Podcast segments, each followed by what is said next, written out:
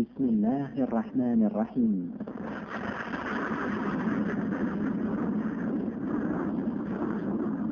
bismi illaahi araxmaan iraxiim saad suuban waxay idiin soo gudbinaysaa tilmaanta naarta iyo jannada waxaa soo jeedinaya cabdilcasiis xasan yacquub waxaa laga dalban karaa manshuuraadka mu'asasada saad suuban oo kutub iyo cajalado cilmi ah leh oo ku qoran afaf kala gedisan. Duruus iyo muxaadarooyin maqal iyo muuqaalba leh. Dhammaan waxyaalaha astaanta u ah ruuxa muslimka ah iyo dalabaadkiina gaarka ah. B o box saddex saddex eber afar sagaal riyaad hal hal afar afar sideed. Telefoon iyo fax number afar shan sagaal hal labo labo lix ama eber shan afar afar afar saddex lix hal eber. Sacuudiga dabadiisa telefonku waa eber eber. Sagaal lix lix hal afar shan sagaal hal labo labo lix ama eber eber sagaal lix lix shan afar afar afar saddex lix hal eber ama email saad suuban at hotmail com الحمد لله أؤمن به وأتوكل عليه وأستعين به سبحانه وتعالى وحده على قضاء حوائج الدنيا والدين الحمد لله الذي بنعمته تتم الصالحات والحمد لله على كل حال اللهم لك الحمد حتى ترضى ولك الحمد إذا رضيت سبحانك لا نحصي ثناء عليك أنت كما أثنيت على نفسك وأشهد أن لا إله إلا الله وحده لا شريك له وعد عباده المطيعين بالجنة وتوعد العصاة بالنار وأشهد أن سيدنا وحبيبنا وإمامنا ورسولنا محمدا عبده ورسوله اللهم صل وسلم وبارك على عبدك ورسولك سيدنا محمد وعلى آله وأصحابه ومن اهتدى بهديه إلى يوم الدين ولا ليالي waad maqasheen oo dhegihiina wax badan soo mareen janno iyo naar waxaad og tihiin inayna sugayso maalin weyn maalinta xisaabta iyo is-abaalmarinta maalinta aynu hor istaagi doono allah waaxidka daa'imka ah maalinta lagu odhan doono dembiilayaasha احشروا الذين ظلموا وأزواجهم وما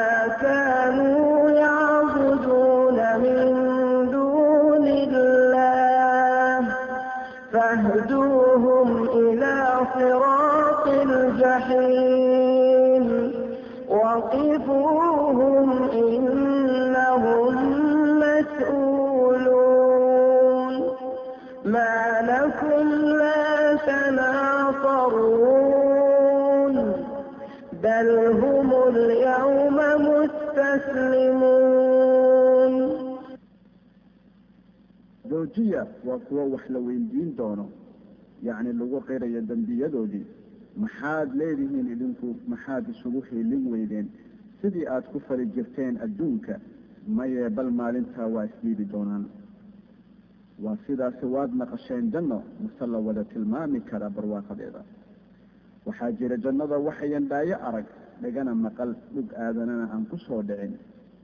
Naartana ilaahay baynu ka magan galnaye wax la sifayn kara ma aha. Jabriil baa mar wuxuu u yimid nebiga sala allahu calayhi wasalam isagoo jabriil midab doorsoon yahay.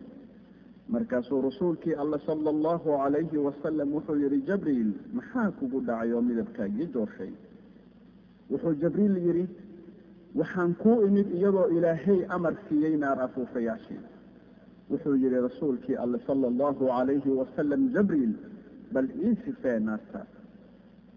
markaasuu jabriil calayhi salaam yihi ilaahay subxaanahu wa tacaala wuxuu amray sameynta dabka naarta ah. Markaasaa la huriyey kun sano ilaa ay ka gaduudatay dabeetana amray oo la huriyey kun sano oo kale ilaa ay ka caddaatay dabeetana amray in kun sano oo kale la huriyo ilaa ay ka madoobaatay saddex kun oo sano oo jahannama la shidayay كلا إنها نزاعة للشوى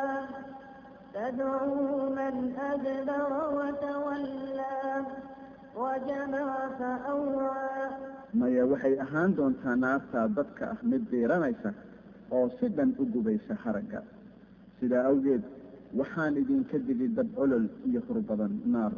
cidna geli doonto aan ahayn habaar qabe. Walaalayaal naarta waa madow mugdi ah dhimbalaheedanu ifayn ololkeeduna damayn. Gacaliyayaal wuxuu yidhi nin ka mid ahaa horaankii suubanaa ee ummaddan haddii aynu inta dhimano ka istareexna adduunka khayr bay noo ahaan lahayd. Laakiinse haddii aynu dhimanno waana la soo saari doonaa. Marka eelkana laga soo saaro kadib waana la xisaabin doonaa. Xisaabta kadibna waa janno ama naar. يا أيها الذين آمنوا اتقوا الله حق تقاته ولا تموتن إلا وأنتم مسلمون واعتصموا بحبل الله جميعا ولا تفرقوا واذكروا نعمة الله عليكم إذ كنتم أعداء فألف بين قلوبكم فألف بين قلوبكم فأصبحتم بنعمته إخوانا وكنتم على شفا حفرة من النار لكم منها كذلك يبين الله لكم آياته لعلكم تهتدون سيدا أوجد قوة توحيد كرمي سنو كعبسد الله إذنكو فلأي دمان وحوهدين أمري كان الرابسونان يا دمان وحيه الرابي sida uu mudan yahay la doonayana in looga cabsado oo adeeca allah una shukriya xusana mar waliba oo ha ku dhimanina waxaan ahayn islaamnimo. Goormay geeri iman gacaliyayaal saacad kasta daqiiqad kasta ilbiriqsi kasta bay geeridu iman kartaa. Mid kastoy haweenay dhashay nabdoonaanba in badan ha ku mirtee maalin uun baa lagu qaadi doonaa nacashka isagoo meyd ah. Sidaa awgeed qof kasta ha ku dadaalo inay u timaado geeri isagoo muslim ah si dhan ugu hoggaansan alla weyne jalla wacalaa goormayna geeri iman ilaahay unbaa ogsoon. Haddaba qofku waa inuu digtoonaadaa waa inuu isu diyaariyaa ugu diyaar garoobaa iimaan iyo camal saalixa isagoo ka fogaanaya shirkiga iyo macaasida. Waxaa la yidhi yacquub baa wuxuu ka codsaday malakulmowt xaajo. Wuxuu yihi malakulmowt maxay tahay dantaadu yacquubow? Wuxuu yacquub yidhi inaad isoo ogeysiiso markii ajashayda la gaaro wuxuu yihi malakulmowt waayahaye waxaan kuu soo diri doonaa laba fardin side ama saddex?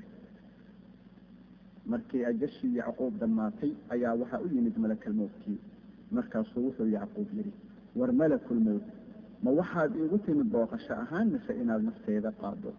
Wuxuu yihi malakulmowt inaan naftaada qaado. Wuxuu yihi yacquub oo soo igama aadan ballan qaadin inaad iisoo dirto laba fariin side ama saddex wuxuu malakulmowt yidhi yacquubow waan kuu soo diray oo waan yeelay.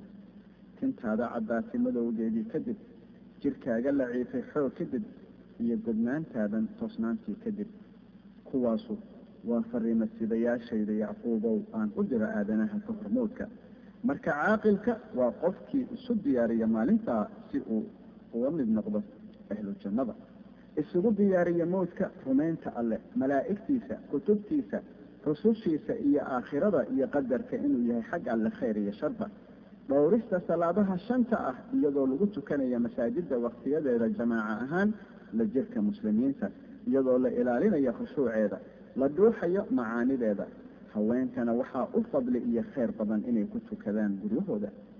Isugu diyaariyo bixinta zakada faralka ah iyadoo la ilaalinayo waktigeeda qadarka waajibka ah iyo sifadeeda sharciga soomidda bisha ramadaan iimaan qab iyo ajar dalab gudashada xajka iyo cumrada gudashada nawaafisha oo ah wixii ka zaa'ida faralka haddii ay salaad tahay ama zako ama soon ama xaj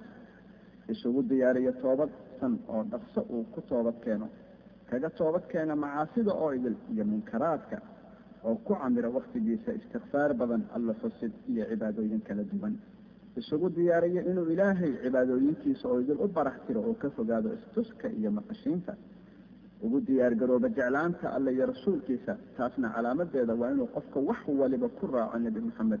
sala allahu calayhi wasalam qool iyo ficilba inuu waxa uu jeclaanayo ilaahay darti u jeclaado waxa uu nacayana ilaahay darti u naco. Cidduu soo dhaweynaya garab siinayo ilaahay darti ku siiyo cidduu colaadinayo ilaahay darti ku colaadiyo iyo inuu diinta ka fog yahay oo naseexad diiday darteed. Taasina macnaheedu waxaa weeye inuu jeclaado mu'miniinta xataa haddii ay yihiin shisheeye fog necbaadana gaalada xitaa hadday yihiin qaraabo dhow. Ka cabsashada ilaahay iyo ku camalfalka kitaabkiisa iyo ku raalli ahaanshada qadarkiisa inuu sabro waktiga lurnaanta shukriyo waktiga ladnaanta dhowro ilaahay sir iyo saaqba oo kheyr ka fisho ugu diyaar garoobo inuu mar waliba tala saarto allah inuu dalbado cilmiga waxtar kale ifiyo aakhiro. Fidiyo oo dadka baro. Inuu weyneeyo qur'aanka kariimka ah barto dadkana baro dhowro xuduudiisa iyo axkaamtiisa iyo xalaasha iyo xaaraantiisa. Inuu ku jihaado jidka alle heegan ahaado. Muujiyo geesinimo waktiga la kulanka cadowga oo uusan dabada u jeedin inuu ka dhowro carabkiisa hadal beena xan dirdiro cay habaar aflagaado iyo hees xun qaadisteed iyo qowlka xun oo idil. Dibnahana uusan ku kala furin waxaan ahayn khayr. Hadalkana deganaan ku sheego. Inuu oofiyo ballamaha siiyo ammaanooyinka dadkeeda oo iska daayo laalaabka qofka iyo laqdabada. Inuu ka dheeraado zinada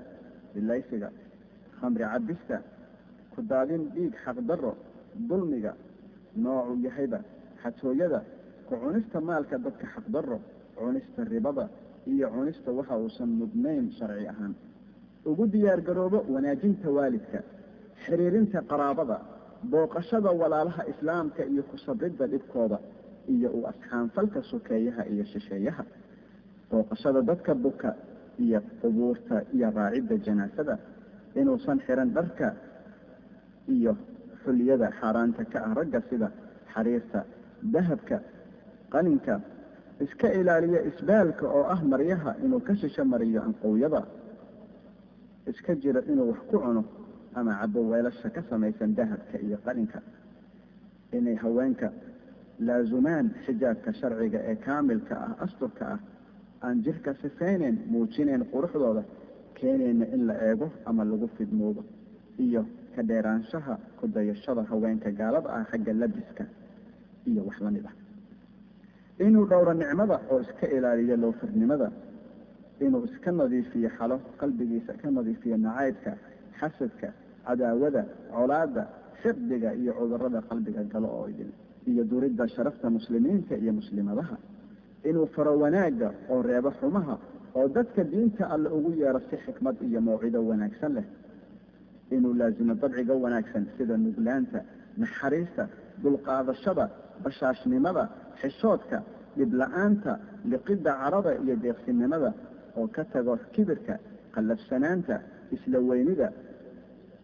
bakhaylnimada iyo wax la mida inuu u guto xuquuqda ilmaha iyo xaasaskiisa si dhan oo uu baro umuuraha diintooda iyo dunidooda inuu jawaabo salaanta oo faafiyo iyada oo qofkii hindiso oo yidhaahda alxamdu lilah ku yidhaahda yarxamuka allah oo wanaajiyo martida iyo dariska oo asturo ceebaha muslimiinta inuusan israacin adduunka oo iska ilaaliyo fitnadeeda. Inuu xaasaskiisa gabdhihiisa dumarka ehelkiisa ah dhowro sharafta iyo cirdigooda oo ku laazimiyo raacidda diinta. Inuu ka jeesado laqwiga lahwiga oo hadaf sare xigsado inuu jeclaado asxaabta nebiga sala allahu calayhi wasalam inuu ka taliyo samaha dadka oo heshiisiiyo colka si uu khilaafka u weynaan inuusan u iman curaaflayaasha kuwa xidigaha fiirsha ama calaacasha ama finjaanka ee ka warama qaybka ama sixirka yaqaano ku dhaqma. Inay haweentu adeecdo ninkeeda oo xafida maalkiisa ilmahiisa iyo gogashiisa inuusan qofka la iman bidco xagga diinta ah wardi aan nebiga ka ansixin ama u qorin dadka dalaasin iyo wax la mid ah iyo inuu qofka ka fogaado inuu dadka ugu yeero baatil iyo bidco. Inuu iska daayo racraaca akhbaarta dadka iyo raadinta ceebahooda ku tarikuteenta iyo hadalka badan baryada oo xoogsado oo xalaal mirab ahaado. Qofku waa inuu sidaa ku raadsadaa kheyrka oo ugu diyaar garoobaa mawdka si uu uga badbaado naar oo u muto janno. Ilaahuw jannaynu kaa barinay iyo inaad naga koriso naarta jahannama walaalayaal. Lama sifeyn kara haddii la safeeyana naarta. Tilmaanteeda xeeraan baa laga qaadaa. Waxaynu halkan ku soo qaadan doonaa tilmaamo ka mida naarta jahannama. Saama wada koobi karna eh? Waa naar sal ballaaran kul badan dhale iyo baas oo dhan leh. Cadaab daran oo aan loo dulqaadan karin. Jirka diiraysa. Wuxuu yidhi suubanihii xadiiskana saxiix muslim buu ku yaal. Maalinta qiyaamaha naarta jahannama baa la keenayaa iyadoo leh toddobaatan kun oo xarig. Xarig walbana waxaa haya oo jiidaya toddobaatan kun oo malag bal suuraysta haddaba haddii ayan hayeen malaa'igta naarta qofna kagama tagteen arlada korkiisa. Jahannama ikhwaani waa himraagtaa oo way yarayntaa markaasna ma jiro malag muqaraba ama nebi la soo diray aan jilbo jabsan iyadoo mid waliba leeyahay nafsii nafsii naftayda naftayda كلا إذا دكت الأرض دكا دكا وجاء ربك والملك صفا صفا وجيء يومئذ بجهنم يومئذ يتذكر الإنسان وأنى له الذكرى يقول يا ليتني قدمت لحياتي فيومئذ لا يعذب عذابه أحد ولا يوثق وثاقه أحد. maya marka dhulka laga dhiga budo digada oo rabbigaa yimaado malaa'igtuna timaado iyadoo safsafa naartana la keena meel dhow maalintaas maalintaas buu aadanuhu waansani doonaa maxayse waan toobidda markaa u tari doontaa qof waliba wuxuu xusuusan doonaa wixii uu soo hormarsaday iyo wixii uu uga soo tegay dib wuu ooyi doonaa oo ilmadu ka daadan doontaa laakiinse waxba ma tari doonto boohin. Wuu shallaayi doonaa goor aysan shallayti wax tarayn wuxuu odhan doonaa hoogayey haddii aan u soo horumarsan lahaa camalo suuban noloshayda tan. Kolka maalintaas cidna uma cadaabi doonto siduu isagu allah wax u cadaabi doono oo cidi wax uma xirxiri doonto sida uu isagu allah wax u xirxiri doono. Waxaa la sheegay in ibnu mascuud allaha ka raali noqdee yidhi marka ay naarta isugu soo haraan kuwa abadkood ku waari doona oo laga soo saaro qofkii qalbigiisa ay ku jirtay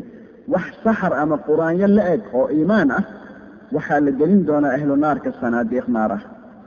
oo leh masaamiir naara sanaadiiqdaa waxaa la sii gelin doonaa sanaadiiq kale oo naara misna sanaadiiq kale oo naara markaasaa waxaa lagu tuuri doonaa jaxiima. Markaasay isla yihiin waa idinka oo keliya waxa naarta ku jira. Markaasuu akriyay qowlka alle caza wajala lahum fiiha zafiirun wahum fiiha laa yasmacuun dhexdeeda naarta cartan iyo hinraag bay ahaan doontaa qaybtooda dhexdeedana waxna kuma maqlaan. Asad bin muuse wuxuu soo wariyey. In rasuulkii alla sala allahu calayhi wasalam yidhi jahanamo waxaa ku yaal tog ay jahanamo ka cuudo bilaysato shartiisa maalin kasta toddoba jeer toggaana waxaa ku yaal bohol toggu ka cuudo bilaysto maalin walba bohoshana waxaa ku jira mas ay ka wada cuudo bilaystaan jahanama iyo togga iyo bohoshaba maalin walba maskaana wuxuu ilaahay u diyaarshay quraada qur'aanka yaqaan ha yeeshee aan ku camal falin yaclaa ibni munabbihna wuxuu yidhi nebigu sala allahu calayhi wasalam wuxuu yidhi ilaahay wuxuu u curin doonaa ahlu naarka daruur madow. Markaasaa waxaa la odhan doonaa ahlu naarkow maxaad doonaysaan? Waa maxay dalabkiinu? Waxay soo xasuusan doonaan daruurihii roobka ee adduunka. Markaasay waxay odhan doonaan rabbiyow cabitaan baan rabnaa. Markaasay waxay soo dayn doontaa jeebado iyo silsilado naar ah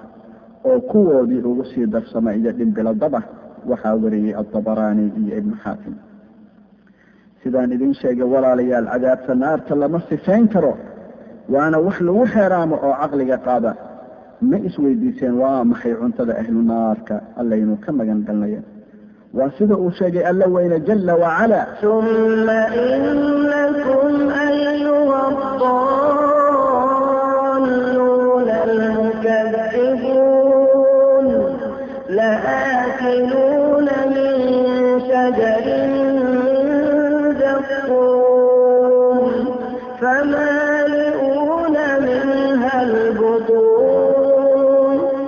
فشاربون عليه من الحميم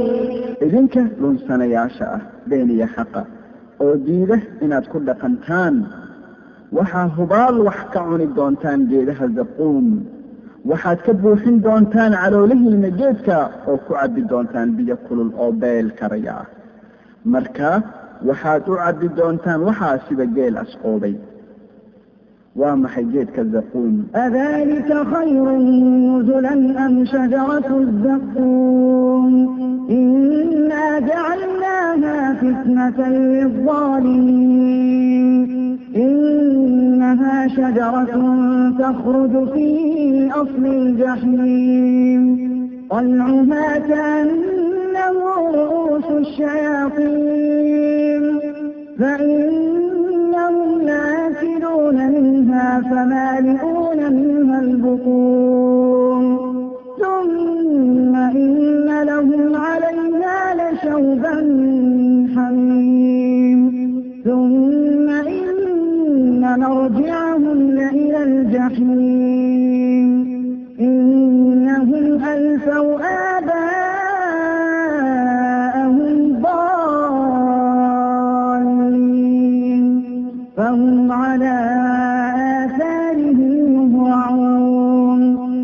لقد ضل قبلهم أكثر الأولين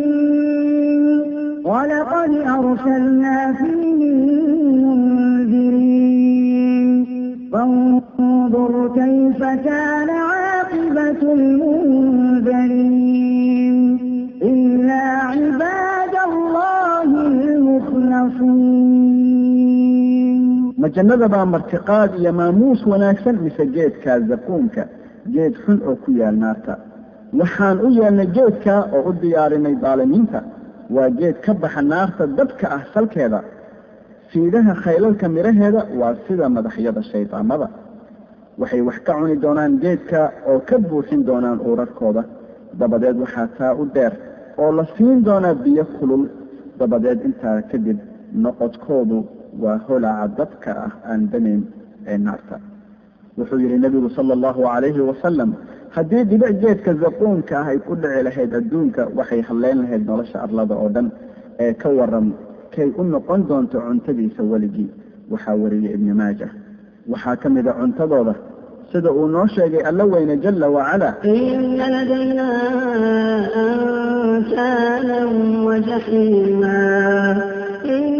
لدينا أنكالا وجحيما وطعاما ذا غصة وطعاما ذا غصة وعذابا أليما. waxaa xagga yaga jira jeebaba aan ku xirxirno dambiilayaasha iyo naar cadsamaysa iyo cunto lagu margado iyo cadaab xanuun badan sidoo kale wuxuu yihi alla weyne hal ataaka xadiiu lgaashiya wujuhum ywmaidin kaashiha caamilatun naasida عصيانا عمانية يسقى من عين آنية ليس لهم طعام إلا من ضريع لا يسمن ولا يغني wax cunno ah kuma leh halkaa aan ahayn geed sunah oo qodxo badan oo aan waxna saqahaynahayn waxna ka tareen gaajo wuxuu kaloo yidhi فليس له اليوم هاهنا حميم ولا طعام إلا من غسلين لا يأكله إلا الخاطئون sidaa awgeed wax saaxiiba kuma laha halkan oo kuma laha wax cunno ah milal iyo malax ma ahee waa dhacaanka ka yimaada nabarada ehlunaarka iyo dhididkooda. Cidinama cuni doonto? Aan ka ahayn dambiilayaasha. Waxay cunayaan ka hor inta ayan naarta cunin dhacaankooda waxa ay cunaan oo geliyaan caloolahooda wax kale ma ahee waa dab naar ah أولئك ما يأكلون في بطونهم إلا النار ولا يكلمهم الله يوم القيامة ولا يزكيهم ولهم عذاب أليم marka cuntadoodu waa dab kulul oo naar ah walaalayaal ma isweydiiseen sharaabka ahlunaarka sharaabka ahlunaarka iyo cabitaankooda waa biyo kulul oo bayl ah. wladiina kafaruu lahum sharaab min xamiimi wacadaab liimu bima kaanuu yakfuruun waxay ku cabbi doonaan biyo kulul oo daba naarta. Waxaa la siin doonaa si ay u cabbaan biyo karaya oo googoysa xiidmahooda biyaha oo markiiba ay u dhoweeyaan wejiyadooda hilibka wejiga diiranaysa haddii ay dalbadaan gargaar ka soo gaarid biyo iyo wax la mid ah waxaa loogu gargaari doonaa biyo sida saliid karaysa oo kale ah oo gubi doonta wejiyadooda sharaab lagu ba'ay iyo degaan baas wuxuu yidhi alla weyne sidoo kale لا يذوقون فيها بردا ولا شرابا إلا حميما وغساقا جزاء وفاقا إنهم كانوا لا يرجون حسابا وكذبوا بآياتنا كذابا وكل شيء أحصيناه كتابا فذوقوا فلن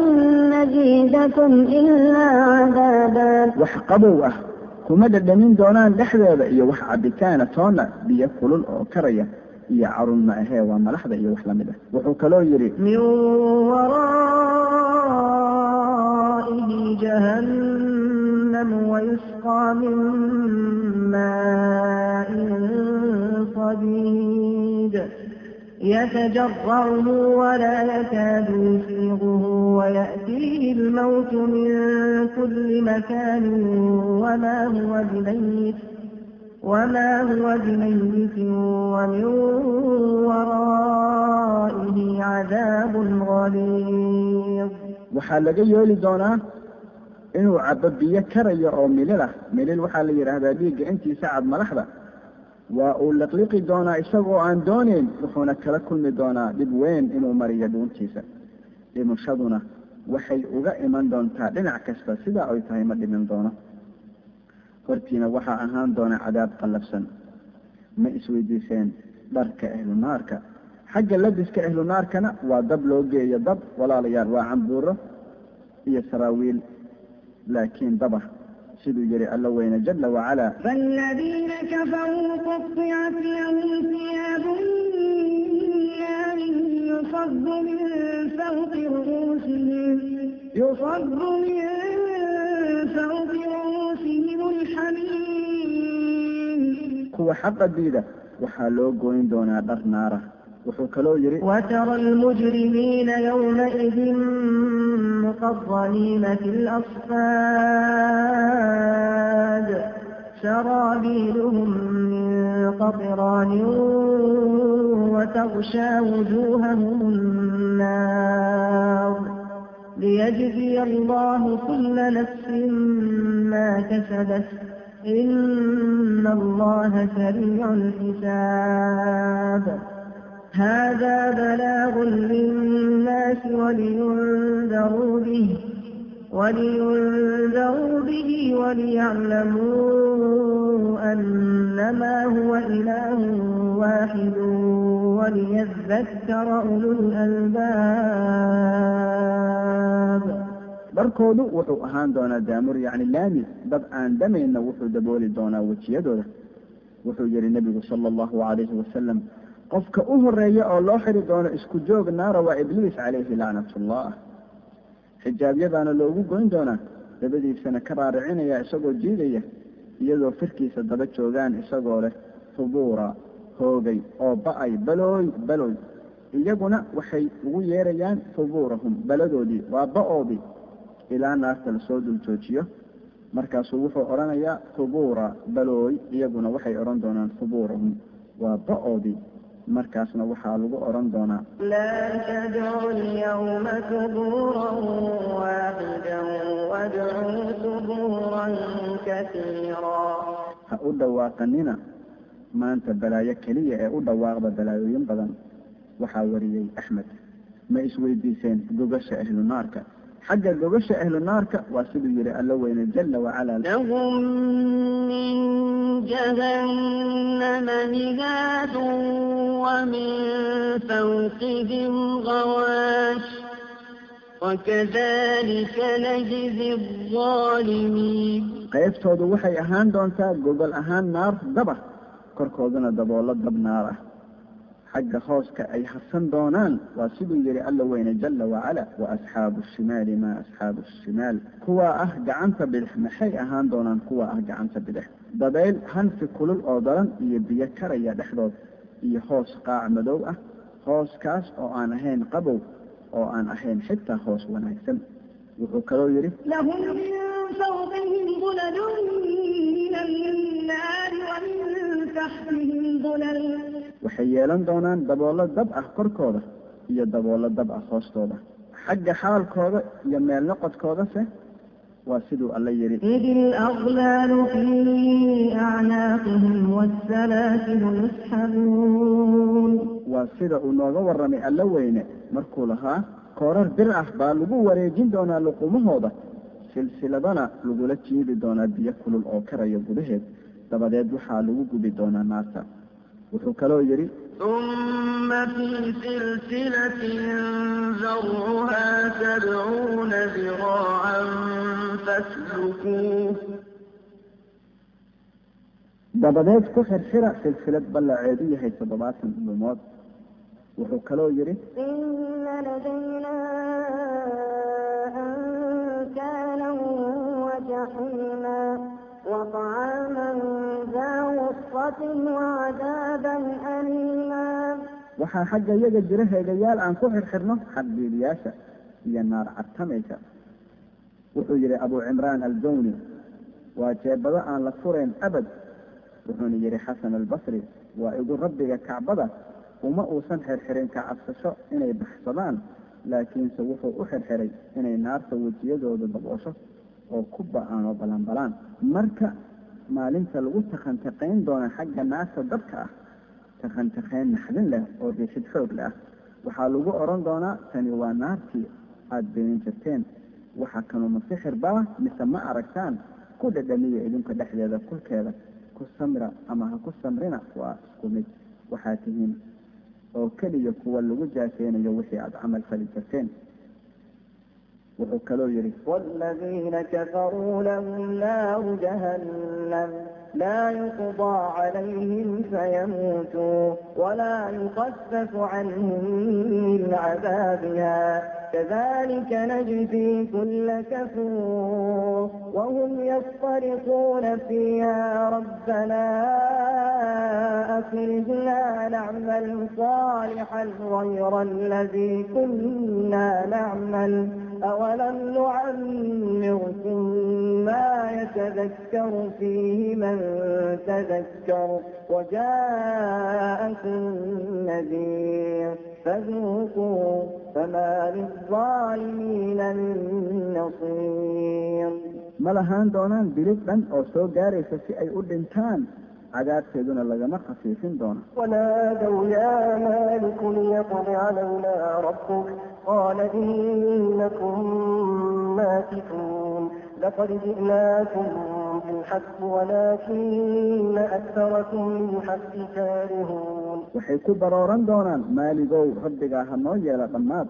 wuxuu odhan doonaa waad ku waari doontaan weligiin waa kuwa naxariistaydii qaadan diiday yacni ku dhaqmi waayey sunnada nebi moxamed sala allahu calayhi wasalam sidaa awgeed waxay leeyihiin cadaab xanuun badan iyagoo ku jira xaaladaasi walaalayaal waxay u dhawaaqi doonaan malakulmowd inuu nafta ka qaado oo mowd dilo soo noqosho la-aan halkii ay adduunka necbaayeen geerida وأما من أوتي كتابه بشماله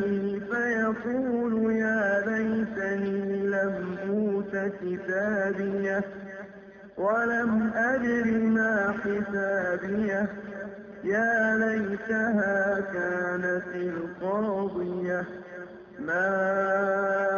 أغنى عني مالية هلك عني سلطانية خذوه فغلوه ثم الجحيم صلوه ثم في سلسلة ذرعها سبعون ذراعا فاسلكوه إنه كان لا يؤمن بالله العظيم ولا يحب على طعام المسكين فليس له اليوم هاهنا حميد ولا طعام إلا من غسلين لا يأكله إلا الخاطئون xagga se kan lagu siin doono kitaabkiisa gacantiisa bidix wuxuu odhan doonaa waxaan jeclaan lahaa inaan la isiiyeen kitaabkayga iyo inaan marnaba ogaadeen sida xisaabtaydu tahay waxaan jeclaan lahaa haddii taa iyadu ahaan lahayd dhammaadkayga yacni beeri maalkayga wax iima tarin awoodaydii iyo doodahaydii si aan u difaaca naftaydii waa iga baaba-een. Waxaa la odhan doonaa qabta oo xexira dabadeed ku suura naar ololaysa dabadeed ku xirxira silsilad ballaceedu yahay toddobaatan dhudhumood wuxuu ahaa midaan rumaysneen oo raacin talooyinka allah sarreeya haween oo cidi kuma boorin jirin quudinta masaakiinta. Sidaa awgeed wax saaxiiba kuma laha halkan maalintaa oo kuma laha wax cunno aan melil iyo madax ma ahe dhacaanka nabarada. Cidna ma cuni doonto aan ka ahayn dambiilayaasha. Waxay u dhawaaqi doonaan malakulmood inuu ka saaro nafta laakiin ka fog oo ka fogtaa wuxuu odhan doonaa waad ku waari doontaan weligiin.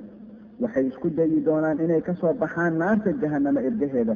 markaasaana waxaa ka hor imaan doona malaa'ig ad adag oo qallafsan oo aan ku caasin wuxuu ilaahay amro oo falo wixii uu falo malaa'igtaas oo sita burar bira هذان خصمان اختصموا في ربهم فالذين كفروا قطعت لهم ثياب من نار يصب من فوق رؤوسهم يصب من فوق رؤوسهم الحميم mar kastana oo ay dalbaan inay ka baxaan naarta xaggeeda murugada dib baa looga celin doonaa waxaana lagu oran doonaa dhadhamiya cadaabka gubashada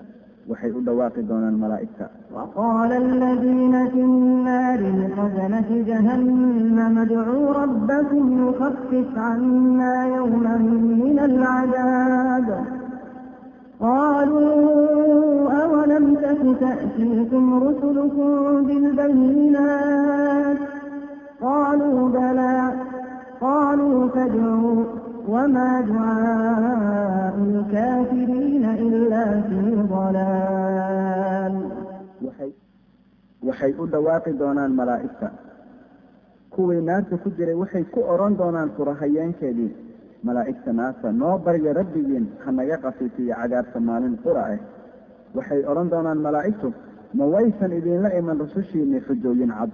waxay odhan doonaan haa waxay ku jawaabi malaa'igta marka u barya allah sidii aada rabtaan oo baryada xaqdiidyada ma aha waxaan ahayn mid ku dhacda daadi. Ma heli doonaan agab iyo ciirsi kale aan ahayn xagga alleh markaasay waxay abbaarayaan allah. وهم يصطرخون فيها ربنا أخرجنا نعمل صالحا ربنا أخرجنا نعمل صالحا غير الذي كنا نعمل أولم نعمركم ما يتذكر فيه من تذكر وجاءكم النذير فذوقوا فما للظالمين من نصير. dhexdeeda ayay ku barooran doonaan iyagoo leh rabbigayow nooga saar dibadda waxaan fali doonaa camalo wanaagsan oo aan ahayn camaladii xumaa aan fali jirnay waxay kaloo odhan doonaan قالوا ربنا غلبت علينا شقوتنا وكنا قوما ضالين ربنا أخرجنا منها فإن عدنا فإنا ظالمون قال اخسأوا فيها ولا تكلمون rabbigayow habaar qabiidayadii baa naga adkaatay waxaanunu ahayn qoon habowsan rabbiyow naga saarsani haddii aan mar kale u noqono xumaan markaa inagaa ah daalimiin markaasaa waxaa u iman doonta jawaab. Aan jawaab kale ka dambeyneen su dambana aan lg loo odhan doonin. Hadal ka dambeeya ma leh wuxuu allah odhan doonaa ku jira dhexdeeda oo ku dufooba hana ila hadlina idinku aniga. Markaasay iska barooran doonaan ilaa ilmadu ka dhammaato oo dhiig sii deeyaan dooma ay ku socon karaan مثل وقوفك يوم الحشر عريانا مستعطفا غلق الاحشاء حيرانا مثل وقوفك يوم الحشر عريانا مستعطفا طريق الاحشاء حيرانا النار تجبر من غيظ ومن حنق على العصاة وتلقى الرب قبانا النار تزفر بالغيظ وبالحلق على العصاة وتلقى الطقبانا اقرأ كتابك يا عبدي على مهلك وانظر إليه ترى هل كان ما كان اقرأ كتابك يا عبدي على مهلك انظر إليه ترى هل كان ما كان لما قرأت كتابا لا يغادر لي حرفا وما كان في سر وإعلانا قال الجليل خذوه يا ملائكتي مروا بعبدي الى النيران حقشانا يا رب لا تخزنا يوم الحساب ولا تجعل لنارك فينا اليوم سلطانا. Walaalayaal gelitaanka naarta waxay leedahay asbaabo waxaana ka mida ah shirkiga oo ah inaad u yeesho ilaahay shariiq xagga afcaashiisa ama aadan ku waxidin cibaadada ama magacyada iyo tilmaamihiisa kufriga oo ah inaad ku gaalowdo allah caza wajalla ama malaa'igtiisa ama kutubtiisa ama rusushiisa ama aakhiro ama qadaha alle iyo qadarkiisa ama caydo allah ama diintiisa ama rasuulkiisa ama asxaabta ama diido tawxiidka ama ashahaadada ama inaad tukato ama bixiso zakada ama soonto ramadaanka ama xajka gudato ama inaad banaysato dilka ama zinada ama khamriga iyo wax la mid ah ama ku jeeseysto diinta iyo dadkeeda ama aadan wax ku xukumin wuxuu ilaahay soo dejiyey taana banaysato ama munaafiqnimada arrimahaasoo dhami aynu soo xusnay waa kufri iyo gaalnimo diinta looga baxo oo lagu muto naar. Waxaa ka mid a asbaabaha naarta lagu galo kucaasinta waalidka gooynta qaraabada iyo xiriirin la'aantooda qaadashada ribada iyo cunideeda cunidda maalka agoomaha markhaati beenaadka qaadashada laaluushka dhaarta beenta ah eexda qishka iyo khayaanada sawirka nafleyda wax ku cunidda weelal dahab iyo qalin haddaba ka digtoonaada walaalayaal naarta ilaahay naga koriya oo ka fogaada shirkiga iyo macaasida si la idinkaga durjiyo naarta dadka ah oo laydinku abaalmariyo janno degaan ahaan. Jannadase miraheedu waa quban yihiin iyagoo dhow oo soo qaba ah. Waa daar lagu nagayo oo leh barwaaqo maguuraan ah waxaa jira farxad iyo reenreen amni iyo ammaan nabad iyo nolol daacin oo darajada wanaagsan. Waxaa jira waxayan nafsu jeclaysato. Indhuhu macaansadaan waxayan dhaayo arag dhagana maqal dhug aadanana aan ku soo dhicin. Falaa taclamu nafsun maa ukfiya lahum min qurati acyun فلا تعلم نفس ما أخفي لهم من قرة أعين جزاء بما كانوا يعملون waa rugtii martiqaadka iyo maamuuska uu ugu talagalay arraxmaan naxariistaaga addoomihiisa suuban ee saalixiinta ah waa igu rabbiga kacbade waa nuur ifaysa oo birqaysa iyo reexaan ruxanaysa iyo qasri dhisan iyo webiyo qulqulaya iyo miro bisilow macaan iyo afooyin wanaagsan oo qurxoon iyo joogag dharaw badan iyo waxyaalo laisku qorxiyo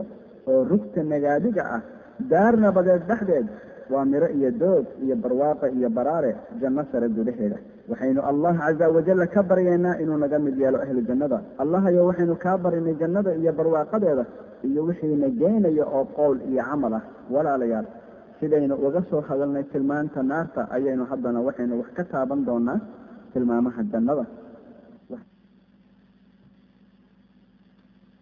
Waxaa la soo wariyey inay markii ahlu jannada galaan jannada ahlu naarkana naarta oo qof walbaa rugtiisa qaato ilaahay u qadiray. Inuu rabbi caza wajalla weydiin doono ahlu jannada imise sano baad joogteen dhulka. Waxay odhan doonaan waxaan joognay maalin ama maalin gelinkeed. Wuxuu odhan doonaa wanaagsanaaya camalkii aad ku falateen maalintaas ama maalintaas gelinkeeda naxariistayda ridahayda iyo jannadayda kunaga weligiin ganaac ribaxle baa idiin ahaatay kadib waxaa lagu odhan doonaa ahlu naarka imise sana baad joogteen dhulka. Waxay odhan doonaan waxaan joognay maalin ama maalin gelinkeed bal weydiiya kuwa wax tiriya waxaa lagu odhan doonaa bele iyo baas dheh ganaacdiinii maalintaas ama maalintaas gelinkeed caradayda ciilkayga iyo naartayda kunaga weligiin waxay odhan doonaan rabbiyow naga saabtani haddii aan mar kale u noqono annaga ah baalimiin waxaa lagu odhan doonaa ku jira dhexdeeda oo ku dufooba hana ila hadlina idinku aniga. Waana taa hadalka ugu dambeeya ee dhex mara iyaga iyo rabbigood waxaa wariyey ibnu naciim abu hurayra allaha ka raali noqday wuxuu yidhi rasuulkii alla sala allahu calayhi wasalam wuxuu yidhi guutada u horeysa ee ahlu jannada ee geli doona jannada waxay ahaan dadka wejiyadoodu ahaan doonaan sida dayax neela qaad ah. Kuwa xigana wejiyadoodu waxay ahaan doonaan sida xidig iftiin badan oo ka walalah leh cirka. Ahlu jannahu ma kaadshi doonaan oo ma saxaroon doonaan oo ma xaakoon doonaan oo ma duubsan doonaan. Shallooyinkoodu waxay ahaan doonaan dahab dhididkooduna wuxuu u soo carfi doonaa sida miskiga fooxooduna wuxuu ahaan doonaa cuud udgoon afooyinkooduna waxay ahaan doonaan xuurulcayn dhammaan ahlu jannuhu waxay ahaan doonaan dad abuur wanaagsan oo dabeecadsan sifada abuurtooda waxay ahaan doontaa sida aabbahood aadan calayhi asalaam dherar ahaan waxay ahaan doonaan wax dheer oo la eg lixdan dhudhun oo cirka jira. Waxaa wariyey bukhaari iyo muslim. Ibnu mascuud allaha ka raali noqday wuxuu yidhi nebigu sala allahu calayhi wasalam wuxuu yidhi waa garanaya wax naarta laga soo saaro qofka u dambeeya oo wax jannada galana ugu dambeeya. Wuxuu ahaan doonaa nin ka soo bixi doona naarta isagoo ku xamaaranaya beridiisa allah caza wajalla wuxuu ku odhan doonaa tag oo gal jannada. Wuxuu aadi doonaa jannada oo moodi doonaa inay buuxdo. Markaasuu soo noqon doonaa oo odhan doonaa rabbi ow waxaan la kulmay jannada oo buuxda. Alla wuxuu odhan doonaa tagoo gal jannada isagoo fulinaya amarka. Alle wuxuu misna aadi doonaa jannada oo moodi doonaa inay buuxdo. Waa u soo noqon doonaa oo ku odhan doonaa rabbi ow waxaan la kulmay jannadii oo buuxda. Allah kor ahayo wuxuu odhan doonaa tagoo gal jannada waxaad leedahay adduunyadii oo kale iyo toban laabkeed wuxuu odhan doonaa rabbi ma igu diganaysaa oo igu qoslaysaa adigoo boqorkii ah. Maya waxaad leedahay intaa iyo ka badan iyo waxay naftaadu doonto sidaa buuna ku geli oo heli nicmad uusan moodin inuu qof kala haysto. Rasuulkii alla sala allahu calayhi wasalam wuxuu yidhi kaasaa u hooseyn doona darajo ahaan dadka jannada. Abu hurayra allaha ka raali noqdee wuxuu yidhi waxaynu nidhi rasuul allahu sala allahu calayhi wasalam nooga waran jannada maxay ka samaysan tahay dhismo ahaan? Wuxuu yidhi laban dahaba iyo laban qalina dalaadkeeduna waa miski quruuraxeeduna waa luul iyo yaaquud ciiddeeduna waa sacfaraan qofkii galaa waa uu barwaaqoobaa oo baraaro helaa ma baasoobo. Waa waara oo ma dhinto dharkoodu ma duugoobaan mana duqoobaan waxaa wariyey axmed irdaha jannaduna walaalyaal waa sideed. Albaabka jihaadka baa u sarreeya. Albaabka soonkana rayaan baa la yidhaah. Camal kastooo wanaagsanna albaab buu leeyahay. Xagga wejiyada ahlu jannada. وتذرون الآخرة وجوه يومئذ ناظرة إلى ربها ناظرة ووجيه أي كم وقندون تبرار يا برواقة متاعا لكم ولأنعامكم فإذا جاءت الصاخة يوم يفر المرء من أخيه وأمه وأبيه وصاحبته وبنيه لكل امرئ منهم يومئذ شأن يغنيه وجوه يومئذ مسفرة ضاحكة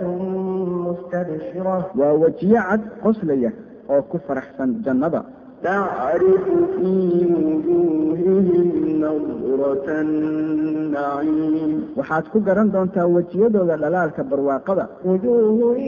يومئذ ناعمة لسعيها راضية في جنة عالية waa wejiyo ifaya oo nuur leh xagga sharaabka ahlu jannada la siin doonaa khamri saafi ah oo aburan oo inteeda dambe khamrada ahaan doonto uduga miskiga. Waxaa la siin doonaa khamri saafi ah oo aburan oo inteeda dambe khamrada ahaan doonto uduga miskiga. Oo waxaa la siin doonaa si ay u cabbaan galaas khamro ah oo lagu dheehay sanjibiil il halkaa ku taal la yidhaahdo salsabiil. Matalu ljannati alatii wucida almuttaquuna fiiha anhaarun ماء أنهار ماء غير وأنهار من لبن لم يتغير وأنهار من لبن لم يتغير طعمه وأنهار من خمر لذة للشاربين وأنهار من عسل مصفى ولهم فيما من كل الثمرات ومغفرة من ربهم كمن هو خالد في النار وسقوا ماء وسقوا ماء حميما فقطع أمعاءهم sifada jannada ee mutaqiinta dhowra amarada alle loo yaboohay waa taa gudaheeda iyada ay yihiin webiyaal biyo ah oo dhadhankooda iyo urkooda isbedelayn iyo webiyaal caano ah oo uusan dhadhankooda marnaba doorsanayn webiyaal khamro ah oo u macaan kuwa cabba iyo webiyaal malab ah la saafi yeelay. Xaggee ka joogtaa tani? Dhacaankii ahlunaarka xaggee ka joogtaa melashii iyo madaxdii sharaabka ahlunaarka ahayd? Xagga weelasha loogu keeni doono cuntada waa weelal dahaba iyo weelal qalin ah. wyuaaf عalayhim bأniyaة min fiضة وأكwaab kanat qawariira min fiضة qadaruuha تqdiira waxaa lagula wareegi doonaa dhexdeeda xeerooyin qalin ah iyo koobab quraarado ah quraarado saafi ah oo laga sameeyey qalin يطاف عليهم بصحاف من ذهب وأكواب وفيها ما تشتهيه الأنفس وتلذ الأعين وأنتم فيها خالدون waxaa lagula wareegi doonaa xeerooyin dahaba iyo koobab xagga shaqaalaha iyo booyada ka adeegi doona jannada waa siduu alla weyne jalla wacalaa yidhi. wayaquufu calayhim wildaanun mukhalladuuna idaa ra'aytahum xasibtahum lu'lu'an mansuura وإذا رأيت ثم رأيت نعيما وملكا كبيرا oo waxaa ka gees ka jees u adeegi doona wiilal da'yara aan gaboobin haddii aada aragto iyaga waxaad moodi lahayd luul la firdhiyey kuwaasi la xusay ee luulka la firdhiyey la moodo waa kuwii ka adeegaya jannada kuwii loo adeegaya xaggeebay joogaan markaa iyaga. Xagga dharka ahlu jannadana labiskooda waa xariir caaliyahum siyaabu sundusin khudru waistabraq waxulluu أساور من فضة وتقاهم ربهم شرابا طهورا. مريهود وحي أهان دونان حرير جلعسن عزوزة iyo xariir adag oo leh sharax dahaba xariirta jilicsan waa guga xariirta adagna xagaajada jannadana ma aha meel kul badan ama qabow badan siduu yihi alla weyne jala wacalaa muttakiiina fiiha لا يرون فيها شمسا ولا زمهريرا iyagoo ku dangiigaya dhexdooda sariiro boqoreed koreeya korkood kuma arki doonaan dhexdeeda kuleelka ziyaadada ah ee qoraxda iyo qabowga ziyaadada ah ee darantoona maadaama jannadu gudaheeda aanay jirin qorax iyo dayax toona وجزاهم بما صبروا جنة وحريرا jasahoodu waa janno iyo maryo xariira sabarkoodii dartii xagga waxyaalaha laysku qorxiyo jannada gudaheeda جنات عدن يدخلونها يحلون فيها من أساور من ذهب ولؤلؤا ولباسهم فيها حرير waxaa lagu qurxin doonaa jinjimo qalin ah iyo jinjimo dahab ah iyo jinjimo luul ah xagga raashinkooda waa miro nooc kasta ah macaan wanaagsan وفاكهة مما يتخيرون ولحم طير مما يشتهون وحور عين كأمثال اللؤلؤ المكنون. waxaa la hidooda ah iyo qaybtooda miro nooc kasta ah iyo faakiho wixii ay doortaan ah iyo hilibka lukida kii ay rabaan lukida waa shimbiro iyo wax la mid waxay ugu yeedhan doonaan faakihooyin tiro badan iyo sharaab dhexdeeda jannada. Waxaa lihidooda ahaan doona faakihooyin tiro badan oo ay u cuni doonaan sida ay rabaan. Xagga haweenka ahlu jannada waa xuurul cayn. Waa maxay tilmaamahooda? Waxuuru ciinun kaamhaali lulu'i lmasnuun oo waxaa halkaa ahaan doona xuurul cayn la moodo lu-lu la dhowray. Qorax ahaan waa sida dheeman iyo luul mid kastaana wuxuu yeelan doonaa laba afood oo xuurulcaynah oo dhuuxooda kubkooda ka dhex muuqdo waxay qurux ka qabaan. Haddii ay mid xuurulcaynah dhool birto gudcur gudihii arlada waa la ifi lahayd nuurkeeda. Biyo dhanaanna haddii lagu daro calyadeeda waxay noqon lahaayeen biyo macaan oo saafi ah. Anas bin malik allaha ka raali noqdee wuxuu yidhi waxaa ii waramay rasuulkii alla sala allahu calayhi wasalam oo yidhi. Jibriil wuxuu yidhi ninku wuxuu u soo geli doonaa xuululcayntiisa markaasay gaadada saaraysaa oo gacan qaadi wuxuu yidhi rasuulkii alla sala allahu calayhi wasalam xubnaha faraheeda haddii ay muuqan lahaayeen iftiinkooda baa qarin lahaa iftiinka qoraxda haddiina ay qaybo tinteeda ka mida muuqan lahaayeen udugooda carradoo idil buu qabsan lahaa. Waxase ugu fiican ee barwaaqada jannada ah ee la siin doona ahlu jannadoodka waa eegidda xagga rabbigood jalla jalaaluh waxaan ilaahay ka baryaynaa inuusan naga xijaabin oo naga qadinin inaynu aragno oo naga mid yeelo kuwa eegi doona wejigiisa laba jeer maalintii subaxii iyo galabtii suhayb allaha ka raali noqdee wuxuu yidhi nebigu sala allahu calayhi wasalam wuxuu yidhi marka ay ahlu jannada jannada galaan buu alla caza wajalla weydiin doonaa ma rabtaan wax ziyaado ah inaan idin siiyo. Waxay odhan doonaan allow ma waadan ka yeelin wejiyadeenna kuwa dhalaalaya. Ma waadanna gelin jannada oo naga badbaadin naarta maxaa kaloo haray oo la rabi karo? Markaas baa xijaabka la faydi doonaa oo ahlu jannada ayan ogaan doonin waxna oo kaga sii fiican iyaga eegidda xagga rabbigood waxaa wariyey muslim. Walaalayaal wuxuu bukhaari soo wariyey inuu nebigu sala allahu calayhi wasalam yidhi qof kasta oo idinka mid ahi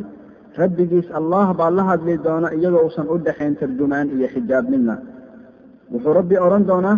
war miyaanan kuu nicmeen war miyaanan khayr ku siinin. Wuxuu qofku odhan doonaa haa wuxuu rabbi odhan doonaa miyaan kuu soo dirin rasuul. Wuxuu qofku odhan doonaa haa wuxuu fiirinayaa qofkii midigtiisa markaasuu arkayaa camalkiisii.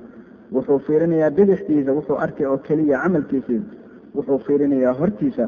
wuxuu oo keliya arki doonaa naartii oo hortiisa ka muuqata. Ee naarta kaga gaashaanta xabad timira jeexeedba ha ahaatee oo aada sadaqa ahaan u bixisaan qofkii aan heli karinna inuu yidhaahdo eraysan oo kula hadla samaan dadka walaalayaal. Waad maqasheen tilmaamaha jannada iyo barwaaqadeeda waana kuwan tilmaamaha iyo camalada dadka ahlu jannaadka. Tilmaanta koowaad waxay ka cabsadaan allah oo ku fartoomaan wuxuu faray oo ka reebtoonaadaan wixii uu ka reebay. Waxay wax ku bixiyaan sadaqa ahaan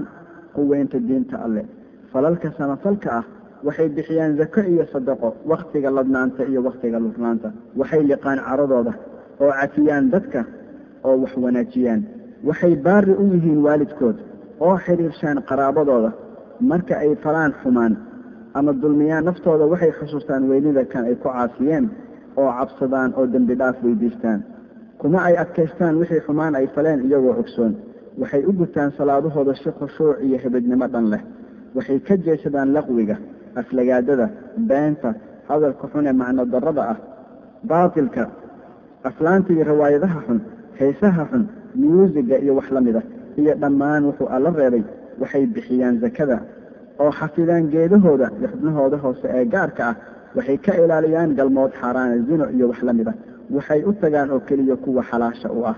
waxay u dhowraan si daacad ah oo run ah ammaanooyinkooda iyo axdiyadooda waxay si aada u dhowraan salaadahooda salaadaha shanta ee faralka ah. Way iska dhowraan oo ka fogaadaan shirkiga baasaysiga ku dhaarashada alla kayrkii istuska xagga cibaadada la fariisiga dadka xun munaafiqiinta iyo fusaaqda xanta derderada derishxumada qamaarka xatooyada uqasadidda eegidda haweenka gayaanka ah xirashada dumarka dharka gaaban ama jirka laga arko ama ciriiriga ku ah la keliyoobidda haweeney ajanabi ah gacan qaadista haweeney ajanabi ka ah haweenta oo is-udgisa marka ay baxayso oo rag gayaana ku soo agbarto afarkeedaas haweenta oo dhoofta maxram la'aan. Arrimahaas oo kale way iska ilaaliyaan way iska ilaaliyaan dhegeysiga heesaha xun iyo muusicga way iska ilaaliyaan habaarka ilmaha lacnida qof mu'min ah iyo wax la mid ah hadal iyo dubuubtii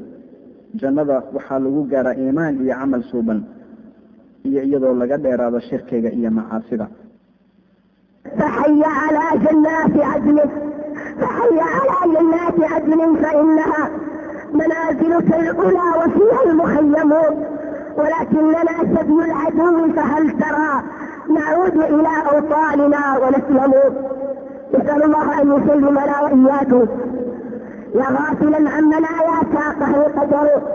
ما الذي بعد سند الرأس تنتظر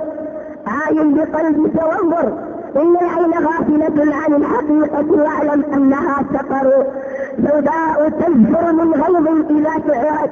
للظالمين فلا تبقي ولا لم لولا لكنك غير الموت موعظة لكان فيه عن اللذات مزدجر فما العيش إلا ذاك ما العيش أيها الإخوة إلا عيش الجنة فما العيش إلا ذاك لا عيش عزة وزاد ولا ليلى ولا أم سالم وذلك فضل الله يؤتيه من يشاء ويرجى لعبد طالع الباب لا جنود فسر في الطريق المستقيم إلى العلا على الصدق والإخلاص والبر والتقى فسر في الطريق المستقيم إلى العلا على الصدق والإخلاص والبر والتقى وإياك والدنيا الغرورة فإنها متاع قليلا ما لها ابدا بقاء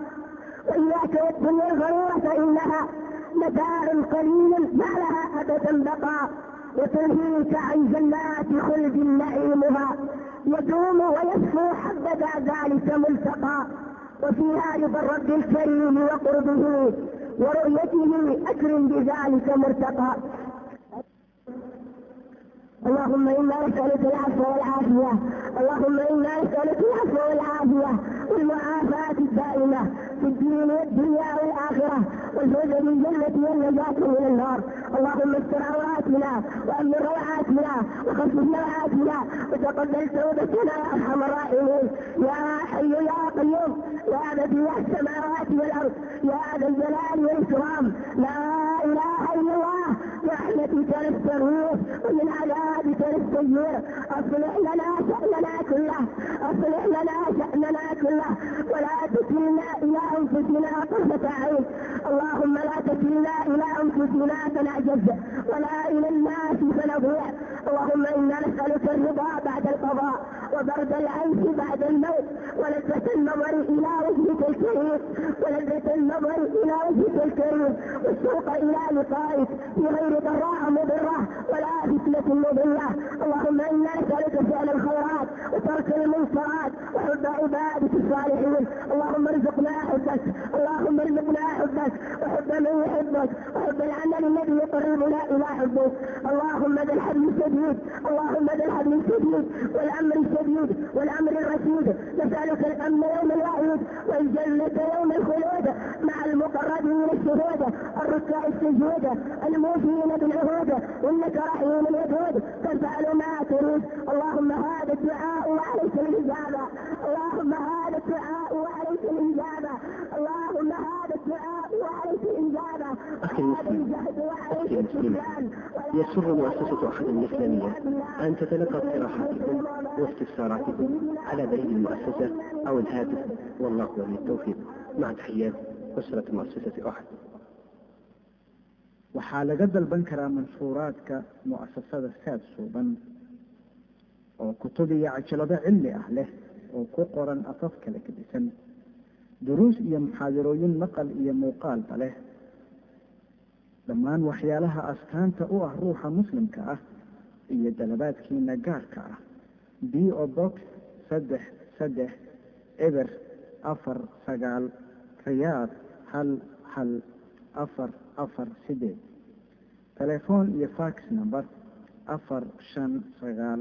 hal labo labo lix ama eber shan afar afar afar saddex lix hal eber. Sacuudiga dabadiisa telefoonku waa eber eber sagaal lix lix hal afar shan sagaal hal labo labo lix ama eber eber sagaal lix lix shan afar afar afar saddex lix hal eber. Ama email saad suuban at hotmail com